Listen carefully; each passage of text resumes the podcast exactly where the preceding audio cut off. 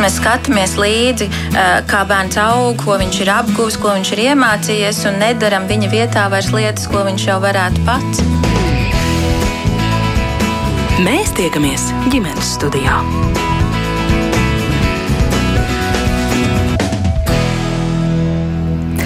Labdien, raidījums ģimenes studija sāk savu skanējumu, jo sveicināta producente Ilza Zvaigzne, mans vārds ir Agnes Linka. Šodien raidījumā mēs dzirdēsim tādas reālu sieviešu atklāsmes, kā savai vīra mātei vienmēr esmu jutusies kā draugs un konkurente, lai kā censtos nekad nekas, ko es daru, nav gana labi, attiecību mums vairs nav, esmu šajā ziņā padevusies. Un tā kā šādu frāžu laiku pa laikam eh, sanāk dzirdēt nemazums, tad šodien ģimenes studijā gribam runāt par to, kāpēc mūsdienās, kad nu, tā tīra sadzīviska vedekla ar vīra māti ir aizvien mazāk ko dalīt, tomēr pastāv grūtības sadzīvot un cik eh, problemātikas joprojām ir šajās te droši vien izseni stereotipiski vērtētajās kā sliktās attiecībās starp pedeklām un vīramātēm, pie kādiem nosacījumiem un apstākļiem eh, šie attiecību samazglojumi rodas un galu galā kā tad tos atpiņķerēt vai pat ne, nepieļaut tādu izveidošanos. Par to visu mēģināsim diskutēt šai sarunā, un tās dalībnieki būs psihoterapeita Inese Putniece un mācītājs Laulā atklāto kursu vadītājs Edgars Māržis. Labdien! Labdien! Labdien. Kā laži arī jūs klausītājs esat laipni aicināti pievienoties šai sarunai ar kādiem saviem komentāriem, jautājumiem, pieredzēm vai viedokļiem, ja tādas e, ir un esat ar mieru tās celt e, gaismā, tad droši atrakstiet redzījumam ģimenes studiju no Latvijas radio mājaslapas. E, un iesākumā es gribu jautāt jums, Ines un Edgar, kā tas ir jūsu tādā profesionālajā ikdienā? Jūs abi strādājat ar cilvēkiem, vai jūs varētu tā teikt, ka šis stereotips par vīra māti, vēla māti vai kaut kādām uh, cita veida nepārāk labām attiecībām starp laulātajiem un viņu vecākiem kaut kādās kombinācijās, vai tas ir novecojis, vai mēs tiešām varam teikt, ka tas ir pabalējis stereotips, vai tas ir dzīvs un spēcīgs, un tā ir arī mūsdienu sabiedrības un jauno pāru un viņu vecāku realitāte. Inese? Palūkojos uz jūsu pusi. Jā, jā, mēs tā viens uz otru skatāmies ar Edgars, kurš sāks. Uh, nu, patiesībā sakot, man liekas, jāsaka tā, ka tādā nu, statistikas, protams, nekādas šajā kontekstā nav. Grūti jā. būtu arī tādu droši vien ievākt nu, izveidot. Droši vien, ja tā ļoti papūlētos, gan jau, ka varbūt arī varētu, jā, bet es drīzāk domāju, ka tas tik un tā ir tāds mazliet mīts, jo laikam jau tas stāsts vairāk ir vispār kopumā par to, vai un cik lielā mērā tie pieaugušie vecāki spēja pieņemt to savu pieaugušo bērnu, to otru pusi, to partneri. Jā. Gan tādā sākotnējā posmā, kad tie cilvēki divi veido tās attiecības, gan arī tad, kad jau ir gan ģimene nodibināta un iespējams arī bērni jau ir nākuši pasaulē. Ja. Es noteikti nevarētu teikt no darba ar saviem pacientiem, ka viennozīmīgi būtu tikai stāsts par to, ka tajā vīrieša pusē tā mamma ir tā, kur ir ļoti kareivīgi un ļoti tā vai agresīva vai kaut kādā tādā kontrapozīcijā nostājusies pret savu vedekli. Ja tas varbūt ir kaut kādā ziņā tā vieglāk saprotams, jo bieži vien cilvēki tā stereotipiski domā, nu tā mammīte mīl to savu dēliņu, jā, arī tad, ja dēliņam jau ir 30 vai 40 gadi un tā ļoti jā, skaudīgi un greizsirdīgi. Nu, uzskata jebkuru sievieti, kura parādās jā, viņas mīļā puisīša dzīvē par savu kaut kādu konkurentu. Jā. Mm. Bet nu, man jāsaka tā, ka arī ir otrādi. Jā. Gan man ir teiksim, pacientes, kuras stāsta par savām mamām, kuras nespēja pieņemt viņu izvēles. Jā, nu, tātad pašas sievietes runā par savas mammas, tātad eventuāli sievas mācīs, ja kaut kādām grūtībām, gan arī pacienti vīrieši, ja, ka nevar ar to otras puses, ja vecāku nekādu īpaši tādu tuvu kontaktu nodibināt. Ja.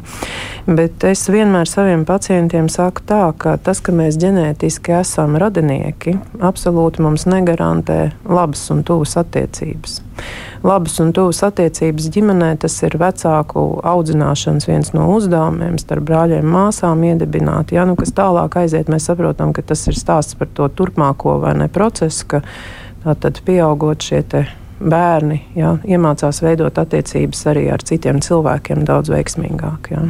Mm. Edgars, kāds tavs skatījums uz Man šķiet, ka šī ir tāda evolūcija. Nu, pirms gadiem 30 eh, cilvēki devās laulībā agrāk. Nu, mm -hmm. Kā teikt, no mājas uzreiz uz citu māju. Līdz ar to tur tie gadījumi, kur, kur vienam vai otram vecākam bija grūti atlaist, tie bija biežāki. Mm -hmm. Bet tagad man liekas, absolūtais vairums, es teiktu, nu, kādi 99% no tiem, kurus es gatavoju laulībām, viņi jau ir atdalījušies. Nu, tā ka dzīvojuši ilgstoši prom no vecākiem. Līdz ar to tad, to tā vairs nejūt. To tā vairs nejūt. Bet, bet es domāju, nu, tie hrestomātiskie stāsti, ka ka dēls, mamma dzīvo pirmā stāvā, sieva ar, ar, savu, ar viņas dēlu otrā stāvā. Un, un viņš nāk mājās, un vispirms pēc darba viņš aiziet pie mammas. Un tad viņš uh, iet pie sievas, un, un tad uh, mamma viņa dzird arī, kad viņi mīlējās. Tur nav tādas skaņas izolācija. nu, tādi, tādi varbūt piemēri, kas, kas, kas ir ārkārtīgi sāpīgi. Vai arī tas, ka tas vīrietis ir tiešām trīs stūrī. Vienā pusē ir viņa mamma, un otrā ir viņa sieva. Un, un, un tad tā sieva nevar ciest. Kāpēc tas, tas viņas vīrs uh, trīs reizes dienā zvana tai mammai? Ja? Nu, nu, tie ir tādi skarbākie, bet es, es piekrītu tam, ko jūs sacījāt par to, ka mm, vai nu tas ir tas briedums, kas veidojas cilvēka apziņā, vai arī tās attiecības nu, nav bijušas milzīgi ciešas arī augot tajā ģimenē. Mm. Tad līdz ar to gandrīz vienalga, tev ar viņu būs jādzīvo. Nu. Mm. Bet eh, kāpēc ir tā, ka nu, šķietami biežāk tas attiecību trīsstūris veidojas vīrietis, sieva un viņa māte? Vai Ines nepiekrīt, ka tas tā ir? Nu, no tāda teorijas skatu punkta ir tā, tad, ja mēs tomēr domājam par trīs stūra attiecībām, tur ir divas sievietes, kuras savā veidā cīnās par vīriešu uzmanību, ja, kas ir pilnīgi apgriezts. Apgriezts trīs stūris, jo veselīgāka forma ir, kad divi vīrieši cīnās par vienu sievieti. Nu, mm. Te ir vēl papildus viena kārta, ka mammai nebūtu jācīnās ar to otru sievieti, vēl jau vairāk, ka stāsts ir par viņas dēlu. Ja? Mm. Tad, tomēr kopumā mēs šajā gadījumā, nu, ja jau tas fokus ir vai ne, ka tā vīra māte un, un tās vedeklas attiecības, ja mēs paliekam šajā formātā, ka nu, tā tad uh, nav atrisinātas šīs dēla un mātes attiecības. Ja? Dēls nav atdalījies, tas, ko Edgars tikko mhm. minēja. Un kas ir interesanti, ka bieži vien patiešām var redzēt šo simbolisko saikni ja? arī tajā dzīves telpā, tajā praktiskajā, fiziskajā plaknē. Ja? Ka tā tad vienā mājā, divos stāvos, bet tā robeža šķirtnes ar to, ne, ka it kā ir griezti, it kā ir sienas, ja? bet skaņas izolācija nav ne jau tikai kaut kādas seksuālas lietas, bet arī kaut kādas domstarpības. Nu, mm -hmm. Pilnīgi jebkas. Jā. Mm -hmm. Nav šīs robežas. Jā. Mm -hmm. Un, patiesībā es domāju, patiešām, ka pieaugušiem bērniem nav jādzīvo kopā ar vecākiem.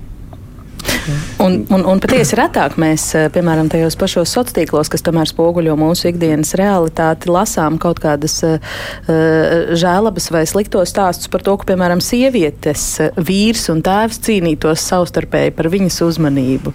Tā taču ir.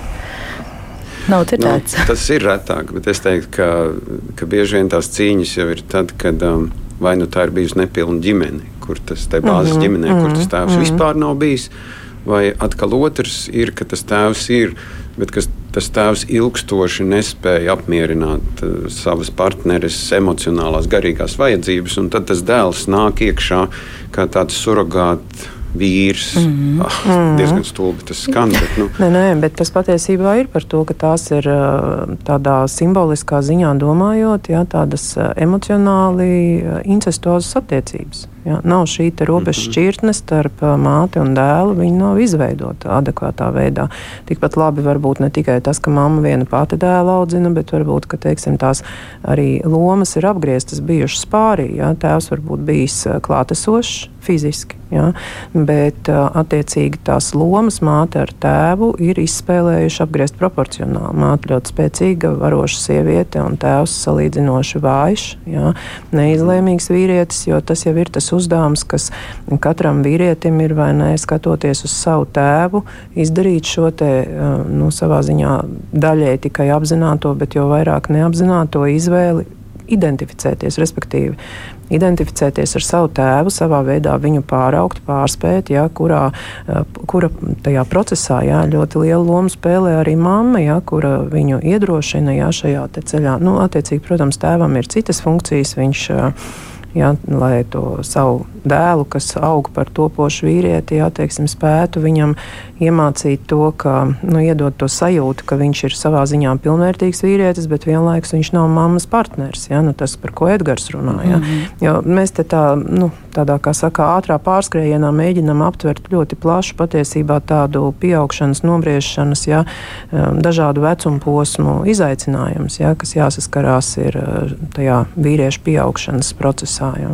Mhm. Nu, un, uh, protams, ja šī atdalīšanās nav notikusi, tad šī psihoemocionālā incestuozā situācija visu laiku kaut kur pakausī, kā vienam tā otram arī tur spēlējās, jā, un nosaka šīs te, nu, izvēles, um, kā, jā, kaut kādā vienā vai citā veidā rīkoties, bet uh, atbildot Agnes mazliet varbūt uz to komentāru, kāpēc sociālajos tīklos, jā, ka es domāju, ka tas ir bijis secinājums par to, ka vairāk varbūt ir tas stāsts, tas stereotipiskais, jā, par to vīrmātes un, un vedaklas attiecību modeli, mēs tikpat labi varam izdarīt pieņēmumu, ka sievietes vienkārši vairāk par to raksta. Vīrieši publiski jā, nedalās ar šo. Jā, jā, jā, tā droši vien arī var būt. Kā tas ir vēsturiski? Mums tas ieinteresēja nu, tāds arhetipisks cīkstiņš, kas ir bijis aktuāls laiku laikos, apmēram tā. Vedeklu attieksmes ar vīra mātēm raksturo Janīna Kursīta Pakuli, uh mhm. eh, -huh. jo arī viņai mēs vaicājām, kā folklorā ir iemūžināts liecības par konfliktiem starp jauno sievu un vīra māti, vai tādas tur ir. Paklausīsimies, ko atbild valodniece un folkloras pētniece folklorā ir gan tā, gan tā, gan pozitīvi, gan negatīvi. Man bija jādomā, kāpēc mūsdienās ne vīra māte, ne sievas māte vairs gandrīz pat anekdotēs neparādās, ja nu sievas māte tikai. Tāpēc, ka mūsdienās jaunie aprecoties cenšas un var e, dzīvot atsevišķi no vecākiem. Agrāk sliktākā iespēja bija meitai, sievietēm, izējot pie vīra, viņas ienāca svešā mājā, kur vīrs saziņā ar savu tēvu pārvaldīja vīrišķās lietas, saimniecību, bet sievietei, kamēr viņa nebija atslēgu glabātāja, tās atslēgas, tā noteikšana par mājas soli bija vīra mātei. Un e, tad šis nerakstītais cīniņš, kad un vai jaunajai sievai izdosies pārņemt mājas saimniecību no vecās saimnieces. Dabiski, ka vecai saimniecei liekas, ka dēla sieva dara aplam. Jo vienmēr vecākai paudzei liekas, ka jaunie dara aplam. Un tad tur arī radās šie konflikti. Jaunai sievai likās, bet varbūt tā arī bija, ka vīra māte viņu pārāk izkalpināja, liekot agriezt rokas dzirnavas maltu, sēdēt no rīta līdz vakaram pie aušanas darbiem un darot visus melnos darbus, kur vīra māte tā izrīkotāja. Bet no otras puses, kā paveicās, ir jau arī folklorā, kur uh, vīra māti vislabākajiem vārdiem piemin, ko es došu, ko solīšu apmēram savai vīra māmiņai. Simtiem došu mīļus vārdus visu mūžu dzīvodama, bet redz, te ir tā kā nākotnē domā, cerot, ka būs laba vīra māte. Folklorā vēl ir arī diezgan daudz, tas gan vairāk ticējumos, ka gan uh, nākamā vīra māte skatījās pēc dažādām pazīmēm, kāda būs laba vai nebūs laba dēla sieva.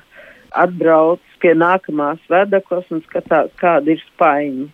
Ja spaiņa dibens netīrs, tad vedekla nederīga būs cūcīga, bet ja tīrs, tad būs laba. Nu, redz, ne pēc vedeklas izskata skatās, bet pēc viņas darba.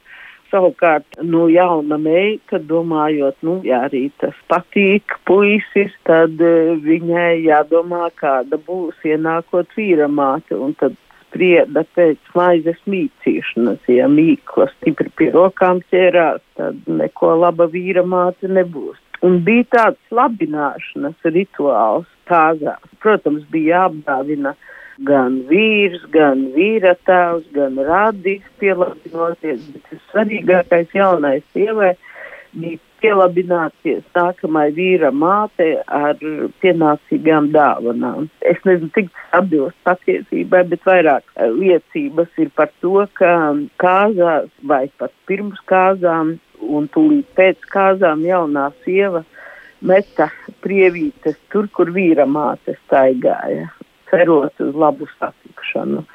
Un pašās kāzās e, krāšņi izrakstītu, nu, pašas vai pašas mātes izrakstītu jostu, dāvināja kreklu un arī villaine iespēju vairāk. Te arī tā atbild tiešām, kāpēc vairāk pat jau vīra māti vismaz folklorā runā un, un mazāk, piemēram, par sievas māti. Nu, no sievas māte bija tai gadījumā, ka vīrs bija iegātnis tad viņam arī bija jāsastopās. Tas sievas tēvs, nes kāpēc vispār gandrīz nepavīd, bet sievas māte.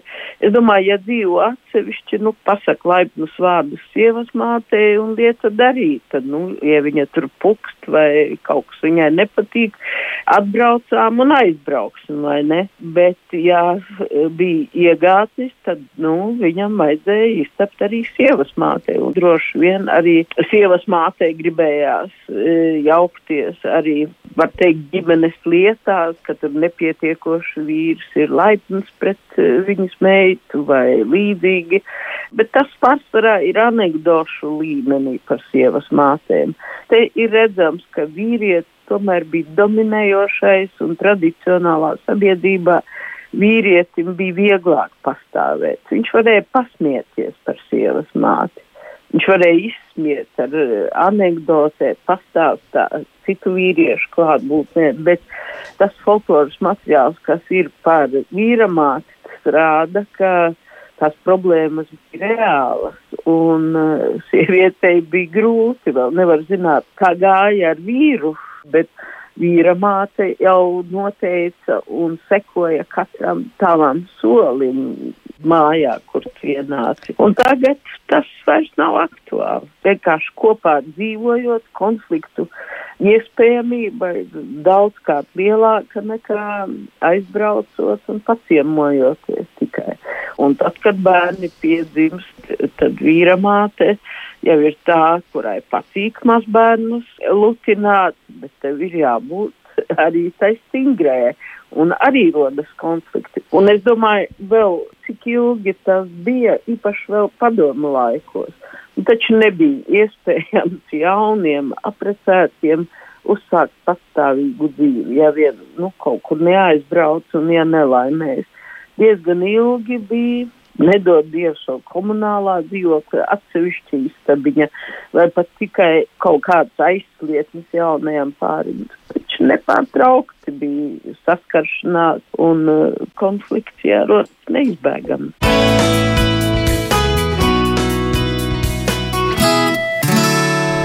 Tālāk no folkloras līdz pat uh, padomju laiku sadzīves poēzijai nonācām. Nu, jā, tas, aiz kā mana auss aizķērās uh, profesors stāstītajā vecākai paudzē, vienmēr liekas, ka jaunie kaut ko dara aplam. Tas ir uh, normāli, tā tas laikam ir. Senā tradīcija paģērē, ka jaunajai sievai bija jāpielabinās visiem vīram, vīrtēvam, bet jo īpaši vīra mātei, nu tad vai tas, ka vedekla fiziski aizvien retāk mūsdienās ienāk tā kā vīra mājās uz palikšanu, ir pilnībā atcēlis tās attiecību problēmas. Laikam jau, jau nē, nē, tas, ka nav saimniecības, ko dalīt. Teiksim, Edgars, laulāto kursā es zinu, ka viena no septiņām nodarbībām ir īpaši veltīta tieši attiecībām ar, ar vienas un otras puses vecākiem. Tas ir joprojām tikpat aktuāli, es nezinu, kā pirms gadiem 10, 20, 30. Nu, tas ir aktuāli tad, kad vienas puses vecāki dzīvo piemēram Rīgā, otra puse dzīvo Aluksnē nu, tad, tad tā disproporcija ir, ir uzreiz. Nu, tad, tad tur var teikt, nu, mēs tur brauksim reizi mēnesī. Es domāju, tas joprojām pastāv. Gadiem ejot pāri, vienkārši ir izveidojuši savu modeli. Nu, tad ar tiem vecākiem tie mums, mūsu bērnus pieskatīs, tos mēs vedīsim uz teātri. Pie tiem mēs aizbrauksim Ziemassvētkos, jo ļoti tālu ir jābrauc. Jā. Mm. Un, un, un tāpēc es teiktu, ka. Nu, tīri personīgi arī. Nu, Mana sieva ir jaunākā 11 bērnu ģimenē, un viņas vecāka bija jau krietni gados, kad mēs apprecējāmies. Un, Un tad bija interesanti, jo viens no Kristīnas brāļiem arī ir Edgars. Un tad Kristīnas mamma teica, mans Edgars. Jā. Un es biju Kristīnas Edgars. Jā, tur, tur, tur es sapratu, ka, ka nu, jā, es esmu Kristīnas Edgars. un viņai ir savs Edgars, kas ir viņas dēls. Bet mums bija ļoti, ļoti miermīlīgas attiecības. Un, nu, jā. mm. Ines, par ko jūs domājāt? Varbūt, ne, valoda jau patiesībā ir ļoti spēcīgs instruments, un terapeiti jau pārsvarā, es pieņemu arī, ka tāpat mācītāji strādā pārsvarā ar vārdu. Jā. Un, uh, es tā klausījos gan to, ko profesors Kursīte stāstīja, gan arī, ko mēs te pašai aizkadrā kaut ko runājām. Jā, es domāju, ka man gribas teikt, ka tas stāsts par to personības briedumu nav tikai par to vecāko paudzi, bet tas ir arī par tiem jaunajiem cilvēkiem. Nu, jaunajiem es šajā gadījumā domāju ne tik daudz gados jaunajiem, jo tas, ka pasē tur ir 30 vai varbūt pat vēl vairāk gadi, galīgi nav apliecinājums tam, ka tā personība ir nobriedusi. Jā. Mm. Un līdz ar to, ja mēs tomēr nu, tā pafantazējam un saprotam, ka teiksim, tā vīra mamma ar visu savu dzīves bagāžu jā, ir tomēr salīdzinoši tāda arī personība, kur ir tādā ziņā varbūt ar tādu egocentrisku vēlmi būt uzmanības centrā. Viņai ir ļoti svarīgi, lai viņu pamana, ievēro un izceļ un, un, un tā tālāk. Un tā tālāk. Un tad tajā ģimenē ienāk vedekla, kura kā personība jā, arī dzan, ir kaut kādā ziņā līdzīga. Nu, mēs varam saprast, ja es reizēm uh, saviem pacientiem, kad mēs arī par pāri problēmām ierunājamies tajās individuālās terapijas kontekstā, ka es vienmēr saku par to, ka attiecībās, jebkurās, vienmēr vienam ir jāuzņemās pieaugušā pozīcija. Jo aiziet tajā, ka mēs viens otru varam vainot un pieprasīt jā, infantīlu, tādu visaptverošu, beznosacījumu mīlestību, kādu vecāku pret bērniem, jā, kādu viņiem būtu jādod. Jā. Mhm. Nu, tas ir mana problemātika. Jā. Un tas tā var notikt, ka es ienāku šajā ģimenē kā vedekla un es sagaidu, ka mana tā vīra mamma jā, būs tik ļoti mani pieņemoša. Jā pilnīgi ar visu mierā. Ja? Nu, tā arī ir tāda ļoti infantīla vēlme un, un, un tādas ilūzijas. Ja? Otra lieta, par ko es iedomājos, nu, kaut kādā ziņā, laikam, cilvēciski es to varu saprast, jā, bet nu, no terapeita viedokļa nu, ir jau jauki, ka mēs tā gribam vai ne dzīvot paradīzē, kur apkārt staigā vienradži, kas kakā varavīksnes. Jā. Bet uh, reālajā pasaulē nu, tā ikdienas rutīna, sadzīve, jā, rakstura kaut kādas nesadarības. Jā, jo šajā gadījumā jau mēs, nu, nav atšķirības. Vai tas ir partneriem savienība, vai tas ir par to pašu vīru māti ar vedeklu, vai arī varbūt tās vīra tēvs ar vedeklu, vai arī uz otru pusi. Jā, tas vienmēr ir stāsts par to, ka tango vienmēr dejo divatā. Mm -hmm. Vienmēr. Un, un, uh, man nāk prātā viens foršs Bībeles pants, kur uh, apstāsts Pāvils saka, ja iespējams, turiet mieru ar visiem cilvēkiem. Un kaut kādā brīdī man liekas, mums ir jāsacina, ka pat ar tiem vistuvākajiem mums var gadīties, neizdosies to mieru. Mm -hmm. Tā vismaz kā jūs sacījāt, ja, ka tur viss būs tā uķi čuķi, ja visi, mm -hmm. visi tur smaidīs un viss būs mm -hmm. laimīgi. Ja. Pēcgalā pēcgalā varbūt tur būs eksplozija, ka tur nāks uh -huh, ārā uh -huh. gadiem krātais. Ja? Uh -huh. Es biju domājis, ka tu tāds, uh -huh. ka tu tāda un tā tālāk. Un tā tālāk. Tu gribētu, ka mēs pasvītrojam to vārdu, ja iespējams, iespējams. Ja? Ja iespējams, jā, es domāju, ja jau to laiku viņš rakstīja, uh -huh. ja iespējams, tas nozīmē, ka ka var arī nebūt mm. iespējams. Ka var arī nebūt jā. iespējams. Jā. Un ar to nevajadzētu, tad, par to nevajadzētu, to nevajadzētu apraudāt, bet tad vajadzētu saprast, cik tad tālu un kādā līmenī tās attiecības mēs varam veidot. Mm -hmm. un, mhm. jo tās gaidas, ko mēs sagaidām, es domāju, ka bieži mm -hmm. vien tas ir gan ar bērniem vecākiem, ka mēs Protams. pat sagaidām līdz mm -hmm. mūža vakaram, ka mums mm -hmm. tur mm -hmm. to, ko mēs nedabūjām, varbūt dabūsim. Mm -hmm. nu, kur nu vēl šajā sistēmā, kur ienāk pilnīgi pilnīgi cits cilvēks, kur ir nu, jāmācās cienīt un mīlēt. Un, mm. Tas nebūtu nav viegli. Mm. Ines pirms brīža šeit pieminēja vārdus, un ar vārdiem kā, kā ieroci mēs varam mm. rīkoties ar tiem kā ar instrumentu, bet arī kā ar ieroci un kādu ļoti sāpināt. Ķersimies pie stāstiem. Vienu tādu mums uzticēja kāda sieviete, kuras attiecības ar vīrmāti ir sabojājušās salīdzinoši nesen un tā teikt vienpusēji, jo vedekli izdzirdējusi kā vīrmāti par viņu tā neglaimojoši īpaši izsakās tieši aizmuguriski, mēs paklausīsimies šajā pieredzē uh -huh. un tad um, parunāsim par to. Oui, salīdzinoši nesenai pagātnē man šķita, ka mums viss ir kārtībā. Man šķita, ka mums ir ļoti normālas attiecības. Es pat teiktu, ka vairāk nekā labas. Nu, tā zinot, kā apkārt klīst dažādas leģendas par vienu vēlu māti un tā.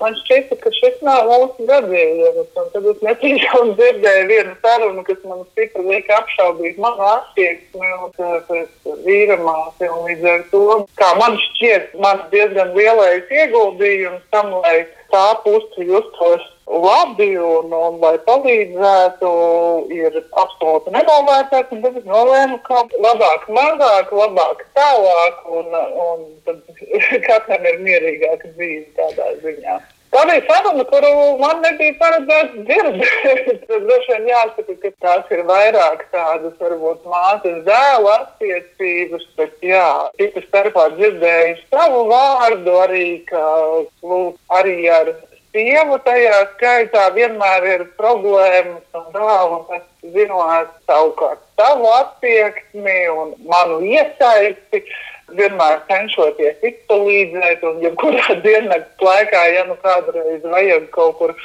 palīdzēt un ko darīt, tad uh, šis viens teikums, kur es dzirdēju, netīšām garām ejot, aizķērās ļoti stāstīgi un ļoti smagi, un tad tāda skaudra apjausma, ka lai cik labs tu gribētu būt, nu nevis tādas izdabāšanas vai liktības dēļ, bet tiešām tādas sirsnīgas attieksmes dēļ, ka, ka, ka tas jau no otras puses tāds ļoti nenovērtēts, un tad tajā brīdī šķiet, ka, nu, paldies, jā.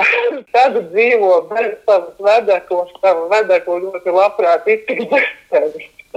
Nu, bet varbūt tas teikums tā ir izrauts no konteksta. Varbūt tas konteksts bija kaut kāds pavisam citādāks. Nē, nē, nē, tas nebija citādāks. Tas bija salīdzinājums starp bērniem un uh, viņu dzīves biedriem un vienkārši nepareizajā laikā.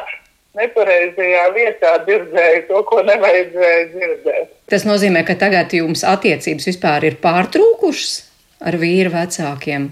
Nē, nu, nu kaut kādas jau ir, bet es neredzu tevī spēku, vēlmi iesaistīties un censties nu, darīt kaut ko vairāk. Nu, tā ļoti rezervēts. Tā, teiksim.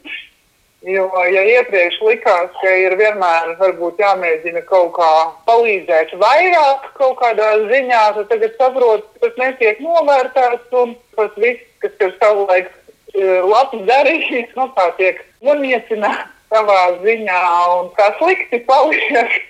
Ar vīru jūs pārunājāt šo situāciju? Jā, mēs pārunājām. Nu, pamatā, protams, tur ir mātes un dēla attiecības, kas tur nav bijis. Bet, nu, Pieturot klāt arī vadaklu, izvēršas tā kā izvēršas. Tur jau svarīgi ir, kā katra māte uztver to savu dēlu un kādas viņiem savā starpā attiecības. Un droši vien, ka vistrakāk ir tajās ģimenēs, kur dēls tiek uztverts kā tāds mūža garumā aprūpējamais. Tur es pieļauju, ka vedeklām ir visgrūtāk un vistrakāk. Nu, šis gadījums nav šāds. Bet, nu, ir jāpiedomā laikam cilvēkiem, ko viņi saka viens otram ja viņi grib savstarpēji kaut kādas attiecības. Bet, nu, vīrs taču tomēr arī kaut kādu savu viedokli par šo izteica.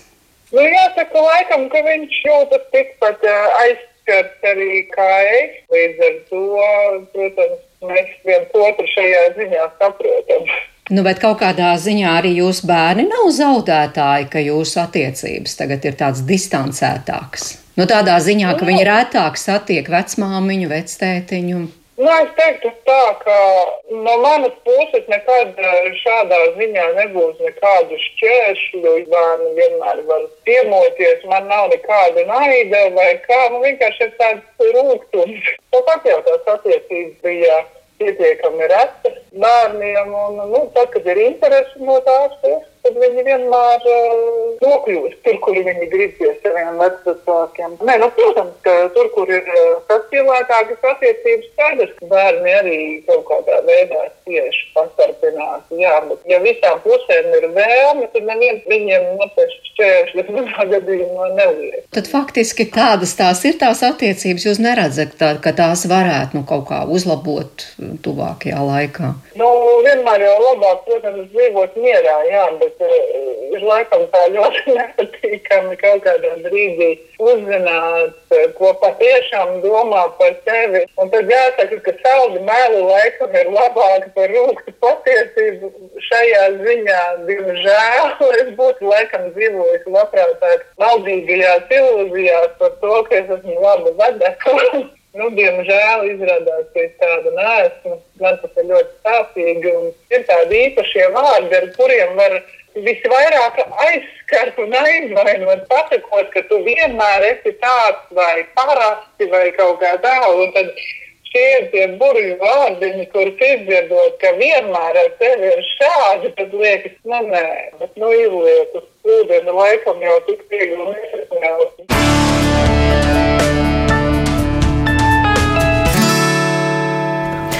Jā, es atgādināšu, ka ģimenes studijā mēs šodien runājam par eh, attiecību sarežģījumiem starp eh, sievām, vīramātēm un vēl dažādām kombinācijām, kādās starpauģu konflikti var eh, rasties. Un sarunu biedri ģimenes studijā šodien ir psihoterapeita Ines Putniec un mācītājs laulāto kursu vadītājs Edgars Māžis. Varbūt uzreiz kādi komentāri, par ko domājāt klausoties sievietes stāstā? Nu, man, man kaut kā bija žēl tā sieviete, nu, ne tā vīra māte. man vispār, tā kā es esmu vīrietis, tad es varu tikai runāt par sievas mātes kontekstu. Bet žēl tādā ziņā, ka, nu, ka viens teikums, viens dzirdēts teikums var tik ļoti, ļoti sasāpināt. Nu, ka visticamāk jau tās attiecības ir nu, nebija, nebija nekāda medusmaize arī līdz tam. Mm -hmm. bet, nu, jā, bet tā ir tāda ļoti smaga atklāsme, ka tev acīs smaida, bet uh, aizmuguriski nievā. Es nezinu, nu, parasti jau tomēr ar šādu veidu ne, komentāriem ir tāds drusku jā, nu, tāds slidens ceļš. Mēs, protams, nezinot detaļas, tādu padziļinātu visu to informāciju, varam izdarīt tikai kaut kāds vispārīgs secinājums. Es piekrītu mm -hmm. Edgaram, ka visticamāk bija acīm redzams kaut kas tāds, ko es izvēlējos neredzēt. Mm -hmm. Kā būtu veselīgi šādā situācijā tālāk rīkoties? Kā jau mēs spriedām, nu arī nerunāšana. Jūs vēl pie izslēgta mikrofona teicāt, tas jau arī ir strupceļš. Protams, protams Tad. jo, jo tas jau tik un tā aug un milst, un, un, un nekur gala rezultātā tas nenoved. Un, protams, ka visi cieņi tur klausītāji teica, ka viņi cenšas nenorobežot jā, savus bērnus no tiem vecākiem, lai viņiem būtu šī iespēja veidot tādas pašiem brīvas attiecības. Bet ir jāsaprot viena lieta, ka Mm, tajā vidē, kurā es dzīvoju, kā bērns, es tik un tā uztveru ļoti daudz ko arī. Man jau nevajag, lai tā mamma man nosēžās pretī un tiešā tekstā stāsta, cik tā mana oma ja, no tēva puses ir slikta un nekur neliekama un galīgi nekam nederīga. Pietiekoši ir tad, ja es dzirdu tajā uh, kontekstā apkārt kaut kur, kā šī klausītāja dzirdēja. Ja. Bērni arī viņi taču mm -hmm. klausās to, ko pieaugušie savā starpā runā. Un, un kaut, vai, kaut vai tik vienkārši, ja mēs iedomājamies, ja šī sieviete, piemēram, savam savam vīram nu, pasūdzētos, pastāstītu, ka viņa to, to, to dzirdējusi un tā, un tā sajutusies, un, un tādas un tādas secinājumus izdara. Ja, jo bērnam ir dabiski gribēt eh, sargāt savus vecākus un parūpēties par viņu ja, nu, tādā psihoemocionālā veidā. Ja. Un, protams, ka viņi tas sāpina un tas izveido viņam ja, tādu arī negatīvu attieksmi. Ja. Tāpēc nebūsim naivi, ka tad, ja mēs klusēsim un skaisti visu iepakosim, ja, tas tik un tā kaut kur parādīsies. Mm -hmm. Viennozīmīgi. Nu, es jau kā terapeits, es nezinu, kā Edgars, kā mācītājs, nu nekas cits jau universālāks kā runāšana šajā dzīvē nav izdomāts. Ja tu Vai... te es dzirdēju, tu par mani tur tā, es nu, esmu tik vīlusies. Nu, droši vien, ka nē, diez vai tas jautājums ir, kā to darīt. Jā. Nu, man šķiet, ka saruna ir tiešām vienīgais, mm kas mhm. ir. Bet tajā pašā laikā ir jābūt ļoti realistiskam, mm. ka tu vari būt mm. nesaprasts, mm -hmm. ka mm -hmm. to, ko tu teiksi, to noraidīs un teiks, tās ir tavas izjūtas, es domāju, citādāk.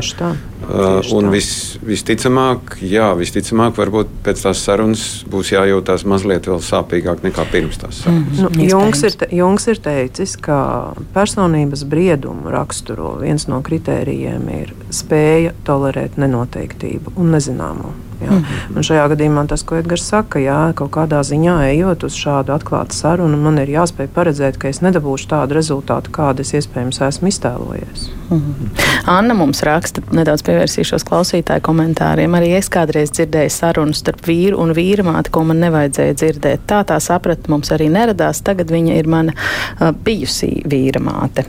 Uh, Agnes raksta, ka kādreiz aizgājusi dzīvot pie vīra un vīra mātes, un tā ir bijusi vislielākā kļūda, jo laulība pēc gadiem izira, tāpat bija strīdi un nesaprašanās. Vīrs nebija ar mieru atstāt māti, jo vecumdienās jāpalīdz viņai. Vīrs sen nav šai saulē, bet vīra māte joprojām eh, šī verē. Tagad es nekad vairs tā nerīkotos, bet laiku jau nu atpakaļ nepagriezīs. Un vēl kāds klausītājs raksta, ka viņa prāt vīra mātes vai sievas mātes ir ļoti rūpīgi audzinājuši savus bērnus, dēlus, meitas un nevēlas, lai dēla vai meitas otrā pusīt nodara pāri vai kādā citā veidā pilnvērtīgi nerūpējas par viņu meitu vai dēlu. Un, mm, klausītāji prāt, tās ir lielas rūpes un reizē arī liela kontrola, bet kā šo kontroli mazināt, ja pats pieaugušais bērns to nevēlas un pieņem kā normu, vai otrai pusītē to pieņemt, jo jāizrāda, tad ir konflikts. Es dažreiz uh, laulājot pārus, saku tā, ka tiem vecākiem vajadzētu to kontrolas pulti tagad atdot. Uh, nu, ja viņi grib paturēt, tad vismaz baterijas izņemt. Nu, tā ka viņi, ka viņi nevarētu spaidīt, un ka tas, ka tas bērns tur tā. Vairs... Es bieži dzīvē domāju, kāpēc mums nav slēdžu, ar kuriem kaut ko pārslēgt. Šis ir arī Jā, labs, labs epitets. Viens, viens variants, un es domāju, ka ka tur jau, nu, jau vēl jau jauna tēma ienāca, ka mūsu vecāki noveco. Mm. Un, un ka, ka gadiem ejot, un es tam esmu gājis cauri, mana mamma aizgāja mūžībā pagājušajā gadā. Un, un es redzēju, kā man bija mamma toreiz, kad viņa bija stipra, varoša, spēcīga, un kāda viņa bija pašā beigās. Un, Un es domāju, tā ir vēl viena milzīga tēma. Jā, tad, kad vecāki noveco, tad kur pie kā, jā, vai pansionāts, vai, vai pie viena bērna, pie otra bērna. Un, uh, Nu, es, es arī visiem pārējiem saku, neiet dzīvot pie vienas vai otras puses mm. vecākiem. Viņi saka, mm. bet nu, tas pagaida. Nekas nav tik eh, pastāvīgs kā pagaidām šai pasaulē. Mm. Daina mums raksta, ka manā ģimenē mēs nedalām vīra uzmanību, bet gan ir konflikti par manu bērnu, viņas mazbērnu audzināšanu. Viņa jaucas ar nelūgtiem padomiem, ar kaut kādiem PSRS eh, laika mūsdienām neatbilstošiem standartiem. Mēs dzīvojam atsevišķi, bet ciemošanās reizes man ir neizturams, jo apstākļi apstrīd manas mātes prasmes un autoritāti bērnu audzināšanā. Kā ar šo? Nu, tas arī ir vēl viens temats, kā Edgars tikko par to vecāku novecošanu, tāpat arī bērnu audzināšanu. Jā. Un, uh, es pat nedomāju, ka tam ir kaut kāds tādā tiešā veidā saistība ar PSRS laiku vai kaut kādas. Te ir stāsts par to, ka um, atkal jāsaka tā, ka man dziļākā pārliecība ir, ka mums bērni ir jāaudzina tā, lai viņi kļūtu par labiem vecākiem saviem bērniem, nevis aprūpētājiem man vecumdienās. Jā, līdz ar to tajā mm. brīdī, ja es varu roku uz sirds liekot teikt, ka es to savu bērnu esmu audzinājis tā, ka viņš tā, tad kāpēc man vajadzētu jaukties, ja tā bērna un viņa izvēlētā partnera, nu, jo tomēr kaut kādā ziņā mēs eventuāli saprotam, ka cilvēki jau izvēlās tā teikt līdzīgāki nu, viens otram, lai tā sadarība kaut kāda būtu vispār pārējā. Tad kāpēc es jauktos viņu audzināšanas kaut kādos jā, paradumos vai, vai, vai tas, kā viņi tur ir izvēlējušies? Jā. Cita lieta ir, domāju, tas, ka, teiksim, ja tie mazbērni sasniedz jau tādu vecumu, ka viņus nu, atstāj uz kaut kādu periodu pie vecākiem, tad vecākiem saprāt robežās, protams, jā, ir absolūti tiesības paturēt jā, to kārtību tajā savā mājā, tajā savā teritorijā, kurā viņi par tiem mazbērniem rūpējās, tādu, kādu viņi uzskata par vajadzīgu. Nu, mēs te nedomājam ne par kādām tādām kritiskām vai vardarbības vai kaut kādām tādām formām, bet nu, kā normāla, adekvāta audzināšana. Ja? Mm. Jo bērni ļoti ātri saprot šo atšķirību, ja, ka viena kārtība ir pie vecākiem mājās, cita ir pie vienas somas, cita ir kārtība vēl pie otras somas.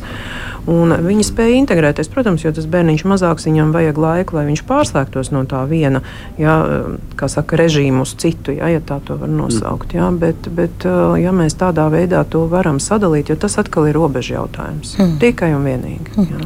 Bet vai mēs varam pavisam īsi atbildēt eh, kaut kādā veidā, varbūt arī konspektīvi uz to jautājumu, kas tika uzdots, kā tai otrai pusītei pateikt, ka tu neesi atdalījies. Es redzu, ka tu pieļauj lietas, eh, ko tavi vecāki dara, ko viņiem nevajadzētu ļaut. Nu, Es domāju, ka tas atkal ir pāri komunikācijas mhm. jautājums. Kādā mm -hmm. veidā mēs komunicējam. Mm -hmm Es droši vien neieteiktu to darīt nezinu, tādā milzīgi krenķīgā vakarā, kad, Brīdī, kad, kad, kad, jā, kad, kad abi ir, ir uzvilkti un tad vēl mm. uzlikt tā, tādu nezinu. Desertiņu virsū, jā, tā tava, mm. tavs, tā, tavs, tā tava māte, jā, tur viņa tev nelaiž vaļā, un tu arī neej vaļā no viņas. Un, un, nu, es, es domāju, runāt, protams, bet, bet tur ir tas jautājums atkal. Tā, attāluma distance, cik tālu viņi ir. Kaut gan telefons, nu kāda ir telefons. Mm, un, mm. Ja mamma grib zvanīt, un ja mamma pasaka, ja tu man nepiezvani, tad es, uh, es miršu. Jā, tur, nu, mm, es domāju, ka bieži mm. vien arī notiek manipulācijas. Neapšaubām, neapšaubām par manipulācijām viennozīmīgi jādomā jā. šajā sakarā, bet es domāju, tas, kā mēs to varētu, uh, ko es varētu papildināt Edgara teiktā, mm. tas stāsta par to, ka ja es eju ar agresīvu pozīciju, un es partnerim saku tu, mm -hmm un tie atslēgas vārdi vienmēr, visu laiku un tā tālāk, ja iedod šo ārkārtīgi masīvo vispārinājumu. Man nebūtu jābūt pārsteigtam, ka pirmkārt otrs aizsargāsies, un uh, otrkārt viņš arī uzbruks man pretī. Nu, no tā dialoga tur nesanāks absolūti nekas, bet drīzāk mēs to konfliktu izpūtīsim vēl lielāku. Arī tad, ja mēs sāksim mierīgā vakarā, bet ja es šādā veidā iesākšu sarunu, nekas tur nekādā veidā nevar atrisināties. Jā. Bet saruna jāiesāk. Nu, cita varianta nav, bet tāpēc mums ir pāri terapeiti. Es arī vienmēr saviem pacientiem saku, ka ļoti bieži to var dzirdēt. Ja teiksim, individuālajā terapijā cilvēks, kad stāsta kaut kādus savus pārdzīvojumus, tik un tā var starp rindiņām nolasīt ja, to kopējo gaisotni, kas tur notiek, ka cilvēki jau patiesībā runā par vienu un to pašu, tikai viņi viens otru nedzird. Un tad es arī saku, nu, ka ja acīm redzam, ir tā, ka viens otram runā garām, mums ir pāri terapeiti. Hmm. Ja? Kas palīdz šos jautājumus sakārtot, nu, kas palīdz noguldināt kaut kādas asumas un, un ieraudzīt, ja katram savu to atbildību. Mm. Bet dažreiz ir vajadzīgi gadi, lai tas lai partneris tik... pienāktu mm. pie tās atziņas, jā, es esmu bijis pārāk jā. cieši mammai. Es zinu, ka mums laulībā tā bija. Tad, kad mēs aizbraucām uz Liepāju pie maniem vecākiem, ja, tad Kristīna teica, atbraucot Rīgā, zina, man ir sajūta, ka tu tur esi tikai tur. Tu vairs neesi ne priekš manis, ne priekš bērniem, tev ir tikai mamma. Un es sākumā pretojos tam. Man liekas, nu kā, nu taču es aizbraucu reizi mēnesī pie mammas. Nu, man taču ir Un tas bija diezgan, tāds, tāds diezgan teiktu, garš ceļš pie manas apziņas. Nu, kad es sapratu, jā, jā man, ir, man ir ģimene un man ir jāpavada laiks ar saviem arī tad, kad es esmu pie saviem vecākiem. Mm. Mm. Mēs turpināsim ar vēl kādu stāstu, ko mums uzticēja kāda jauna sieviete. Viņa ir vedekla, kuras attiecības ar vīrmāti ir tādas patiesi sarežģītas, es teiktu, un viņa pati pat saka, šobrīd mums to nav, un viņa izstāsta, kāpēc. Mēs esam kopā jau desmit un mums ir sava ģimene ar bērniem. Un tās attiecības, nu, tā mana izpratne, un kas vismaz man palīdz uh, izskaidrot to kā tādu uh, draudu, kad uh, vīriešu ģimenē vai mātes un dēla attiecībās ienāk uh, cita sieviete, kur paņem to visu viņa uzmanību un laiku sev. Un, tā es vienmēr esmu jutusies kā, kā draugs. Attiecības sākotnēji nebija tās labākās tikai un vienīgi tāpēc, ka personīgi es neatbildu kaut kādām uh, ekspektācijām, kādai vajadzētu būt tai sievietei, dēla sievietei.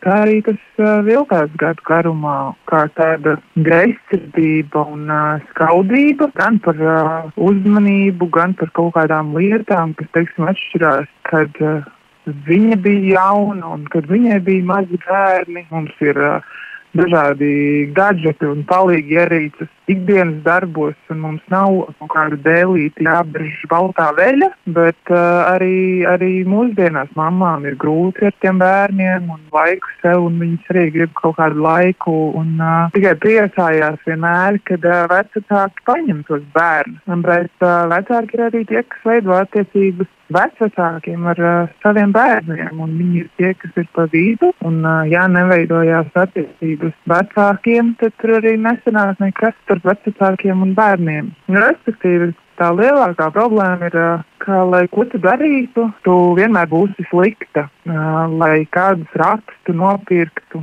vai kā tu mēģinātu audzināt bērnus, vai kā izturēties pret uh, savu otru pusi, vienmēr būs slikti, un tam nav izskaidrojuma. Tu vari censties apsveikt svētkos, parūpēties par dāvanām, apsveikumiem, komplimentus izteikt, jebko, bet uh, pretī tu nekad nesaņem nevienu labu vārdu, drīzāk tikai un vienīgi pārmetumus par pilnīgi visu runāšana aiz muguras pārmetumi un var uh, uztaisīt skandālu par to, ka tu esi uztaisījis kafiju uh, viņas virtuvē.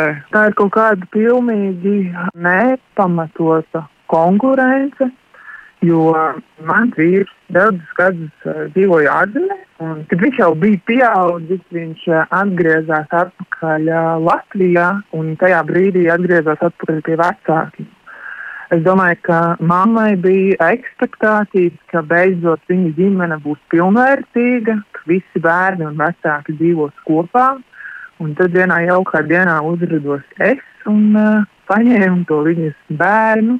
Tālāk mēs veidojot savas attiecības ar uh, vīru un gājām uh, cauri dažādiem komentāriem, uz ko viņš nepievērsa uzmanību un uh, neiedziļinājās tajā Viņa kļūda uh, bija tajā, ka viņš nenostājās manā pusē un nepozicionēja mani kā viņa sievieti, kā viņa izvēli. Un uh, tas visas uh, attiecības starp mani un viņa malnu vēlās un sprāga ar lielu skandālu. Svarīgākais ir tas, ka tu nedrīksti savam vīram vai vīrietim vai otrai pusē stāstīt un uh, sūdzēties par viņu mammu, jo tā ir lielākā kļūda, ko cilvēki pieļauj. Vienkārši tās lietas ir tā jāpieņem, kādas viņas ir. Un, uh, līdz ko tas pats uh, bērns sāk pamanīt tās lietas un redzēt viņas skaidri un, un kad tiešām tas notiek, tad arī viņš pats pieņem lēmumu izvairīties no vecākiem, netikties un pasargāt savu ģimeni no liekiem strīdiem, skandāliem vai uh, sliktām emocijām un sliktas pieredzes. Šobrīd ir tā, ka mums attiecības nav vispār.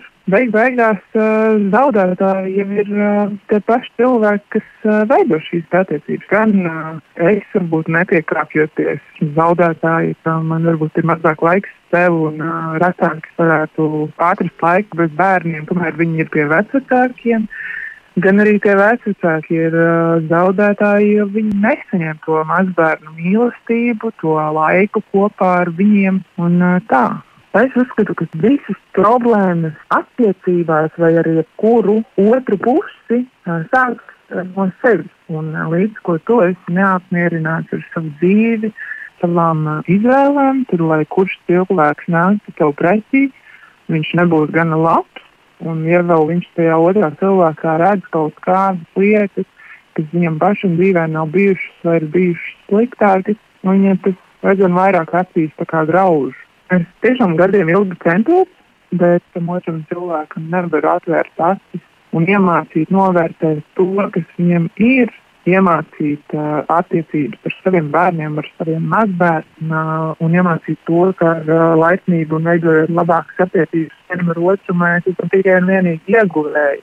Un uh, šobrīd es esmu sapratis, ka es negribu vairāk tērēt savu laiku, es negribu uh, dusmoties, es negribu pārdzīvot, es negribu saskaties ar to ikdienā. Arī uh, vīrs ir pieņēmis tādu lēmumu pasargāt savu ģimeni no, no, no sliktām emocijām, no pārmetumiem un liekiem skandāliem. Tāpēc arī viņam šīs attiecības vairāk nav.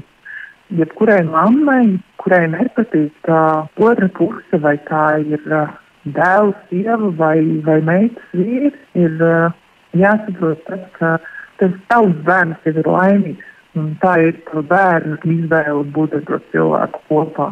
Tā ir, liekas, tā atslēga, un līdz ko to esi mierā ar to viņa izvēli un pieņem to, kāda tā ir, tev dzīvē ies tikai labāk, un tu būsi ieguvējis. Gan satiekot mazbērnu, gan redzot uh, priecīgu savu bērnu, gan zinot svētkus kopā. Bet uh, līdz ko tu nostājies pret otru pusi, tev arī visa ikdiena un visa pārējā dzīve ies tikai sliktāk. Zinot svētkus vieniem, nesatiekot tos pašus mazbērnus un uh, nesaņemot arī tās attiecības ar savu bērnu, jo viņš vienkārši pievēršas vairāk savai ģimenei, jo šī brīža ģimene vienmēr būs svarīgāka nekā ģimene, kas tev bija kopā ar vecākiem.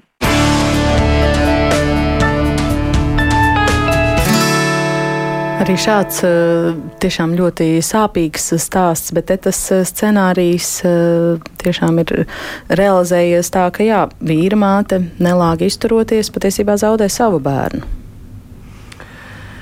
Nu, man gan jāsaka, ka abu to klausītāju stāstītajā tik un tā nolasās ļoti daudz spēcīgu aizvainojumu. Es domāju, ka tas neļauj noteikti skaidrā veidā paskatīties uz to situāciju. Aizvainojums un dusmas nekad nevar būt labs mm -hmm. padomdevējs, tāpat kā izmisums. Jā. Līdz ar to man gribas teikt, ka nu, tas vērtīgākais varbūt tajā ir, ka nu, ko, ko varētu paņemt varbūt, no tā stāsta, ka tiešām tolerēt to nenoteiktību. Nu, ne, nu, patiesībā man jāsaka, vienā brīdī es domāju, nu, kāpēc man ir tik ārkārtīgi tāda omnipotenta, jeb tāda visvarenības doma, ka man ir jāiemāca savai vīrmātei attiecības ar bērniem un mazbērniem, kā veidot. Ja? Nu, tā ir tāda nu, kaut kādā ziņā iespējams izmisuma vadīta mm. fantāzija. Nu, droši vien tas izmisums ir tāds patiesas. Nu, droši vien, jā, bet jautājums, kāpēc man būtu jāmāca vīrmātei veidot attiecības, nu, lai Dievs apgrābstās lietas tam cilvēkam mieru. Nu, gan jau viņš mm. tas jau šajā gadījumā arī ir noticis. Tāda miera neizklausās, likšana. galīgi neizklausās, bet tas ir mans norobežošanās. Jā, bet tas nenozīmē likt mieru. Likt mieru tas nozīmē būt uh, emocionāli neitrālam. Mm. Jā? Edgars, par ko Jā, tu domā šajā stāstā klausoties? Man ir skumji, ab, abus šos stāstus klausoties ir skumji, jo man liekas, nav nekā sliktāka kā gadiem mēģināt iepatikties uh mhm, -huh, otram uh mhm. -huh. cilvēkam. Un tad uzskaitīt tos labos darbus, ko tu esi izdarījis, uh mhm. -huh. un tad tu pretī neko nesaņem. Un, un tad ir lielais izmisums. Un, un tad īstenībā tā motivācija ir bijusi tāds, atvainojos, tāds tirgus no sērijas. Tas labais, mm. ko es tev dodu, mm. es gribētu no tevis mm. dabūt šo pretī, bet es mm. neko nedabūju. Nu, tā tas diemžēl nestrādā. Mm. Tā tas diemžēl nestrādā. Un, un tas, tie, tas nu, no kristīgā viedokļa skatoties, tas ir mūsu cilvēciskais egoisms. Jā, mm. Mēs gribam mm. par visu arī kontrolēt to labo, ko mēs dodam, mm -hmm. lai mhm. dabūtu atpakaļ. Mm. Jā, nu, mm -hmm. Nav jākļūst arī par kājaslauķi. Tas būtu arī grāvis, bet šajā situācijā. Ne, nu te būtu droši vien tā, kā, kur ir tā robeža starp altruismu un mazohismu. Ja? Jo es varu mm -hmm. dot altruistiski, dot, dalīties, un viss ir labi, bet vienā brīdī, ja tas aiziet jau tā kā tomēr uz manu rēķinu, tad tas jau ir stāsts par mazohismu. Mm -hmm. Mums ir daži pārmetumi arī ēpastā par to, ka mēs e, uzsveram, ka vienmēr vainīgas vīrmātes, bet tā nav, vai tad vedeklis nekad nekur nav e, vainīgs. Tā mēs noteikti neesam mēģinājuši pateikt šī rēdījuma gaitā. Es nolasīšu vēl kādas klausītājas ēpastu, tuvojoties sarunas izskaņai. Viņa raksta, ka viņa ir vīrmāte trim vedeklām un omīte sešiem mazbērniem. Viņiem ir lieliskas attiecības, un es ceru, ka viņas domā tāpat, uzskatu viņas par savām meitām, dēlus varu sabārt, bet vedeklām esmu sapratusi, ka labāk neko nevajag aizrādīt. Pāris gadus esam dzīvojuši kopā ar jaunākā dēla ģimeni, tad gan mums attiecības sašķobījās, jo man vedekli pēc kāzām ļoti izmainījās, kļuva augstprātīga, kaut arī pirms tam ļoti labi sapratāmies, un man tas ļoti sāpināja. Tajā laikā šķita, ka esmu jaunās ģimenes kalpone, gatavoju ēst, māju tīrīt tikai es, jaunajiem patika atpūsties un izklaidēties. Esmu priecīga, ka tagad dzīvojam atsevišķi un mūsu attiecības atkal ir labas.